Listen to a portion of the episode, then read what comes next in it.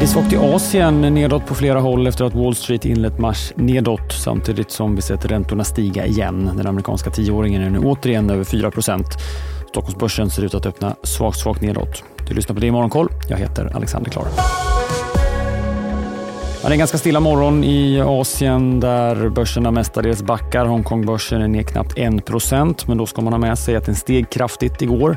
I Fastlandskina är det mest på teknikfokuserade Shenzhenbörsen det är nedåt medan Shanghai bara är svagt nedåt. Tokyobörsen är oförändrad. Det rapporteras om att Kinas tillväxt kan bli starkare i år än väntat. I slutet av fjolåret så talades det om en tillväxttakt på mellan 4,5 och 5,5 procent. Men inför folkkongressen som stundar i Kina uppger källor för Reuters att det kan presenteras mål på mellan 5 och 5,5 eller till och med upp mot 6 procent. Det har varit ett dygn som handlat mycket om räntor och det stundar en dag som fortsatt fokuserar mycket på inflationsutfall. En ledamot i den japanska centralbanken Bank of Japan sa i natt att landets expansiva penningpolitik måste fortsätta eftersom inflationen troligtvis kommer att falla under 2% och den globala ekonomin bromsar in. Samtidigt kom det uttalanden från ECB i form av en av bankens ledamöter att räntorna måste fortsätta höjas för att få ner inflationen.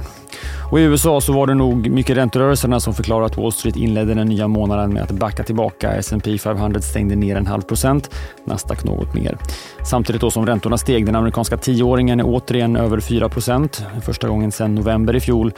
Och den amerikanska tvååringen står i 4,92, en nivå vi inte sett sedan innan finanskrisen.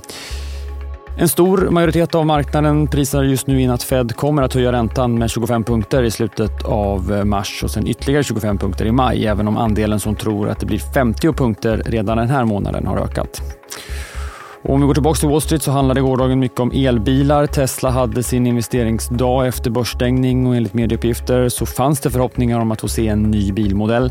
Den uteblev och aktien föll över 5% i efterhanden. Elbilstillverkaren Rivian föll också nästan 20% på sin rapport, där visserligen förlusten inte blev lika stor som väntat. Tvärtom för kinesiska Nio som är listat i USA, förlusten i kvartalet betydligt större än väntat. Aktien backade 6 och På tal om bilar så kommer Polestar som backas av bland annat Volvo med siffror innan öppning idag. Och det kommer rapporter till stängning som är värd att nämna. Molntjänstbolaget Salesforce släppte siffror, aktien rusade. Vi är specialister på det vi gör, precis som du. Därför försäkrar vi på Swedea bara småföretag, som ditt. För oss är små företag alltid större än stora och vår företagsförsäkring anpassar sig helt efter firmans förutsättningar. Gå in på swedea.se företag och jämför själv. Över 15 procent på både bättre resultat och positiva utsikter. Vi vänder till Washington för USA har godkänt ytterligare vapenförsäljningar till Taiwan. Det handlar bland annat om robotar och utrustning till amerikanska flygplansmodeller man tidigare köpt. Kina motsätter sig såklart försäljningarna och samtidigt så kommer uppgifter via Reuters att USA undersöker möjligheterna att sanktionera Kina ifall de stödjer Ryssland med militärt stöd i kriget i Ukraina. Enligt Reuters så förs samtal med övriga G7-länder. Sverige avslutningsvis. Riskkapitalbolaget EQT lägger som väntat ett bud på Radius. Det har spekulerats i media tidigare i veckan om att det skulle komma ett bud och EQT erbjuder nu 15 dollar per aktie vilket ger ett bolagsvärde på 3 miljarder dollar. Bostadspriserna i Sverige steg något oväntat i februari jämfört med januari. Det här visar SBABs sammanställning över försäljningarna i landet. Stockholm sticker ut där priserna ökade markant, framförallt på villor. Detta då trots den kraftiga ränteuppgången, men det förklaras som en reaktion på hösten och vinterns snabba inbromsning.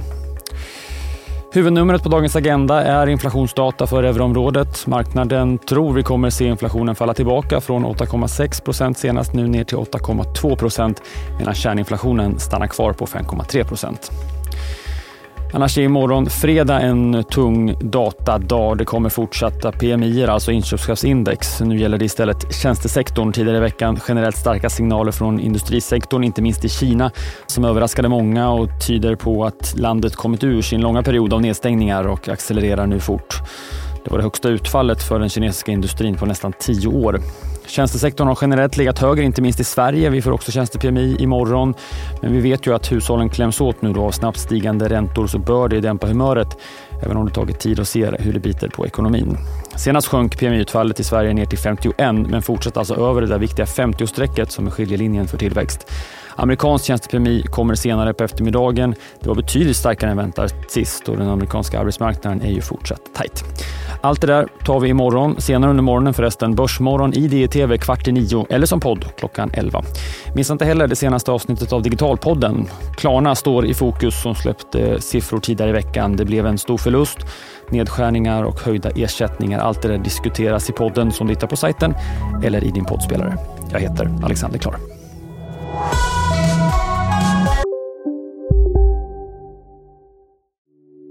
Hej, Ulf Kristersson här. På många sätt är det en mörk tid vi lever i. Men nu tar vi ett stort steg för att göra Sverige till en tryggare och säkrare plats. Sverige är nu medlem i Nato. En för alla, alla för en. Expressen gör varje vecka podden Politikrummet där vi djupdyker i det senaste och viktigaste inom svensk politik. Med mig, Filippa Rogvall, som programledare tillsammans med mina vassa kollegor. Och det är ju ni som heter Thomas Nordenskjöld, Anette Holmqvist och Viktor Bartkron. Politikrummet kommer med ett nytt avsnitt varje tisdag. Vi hörs!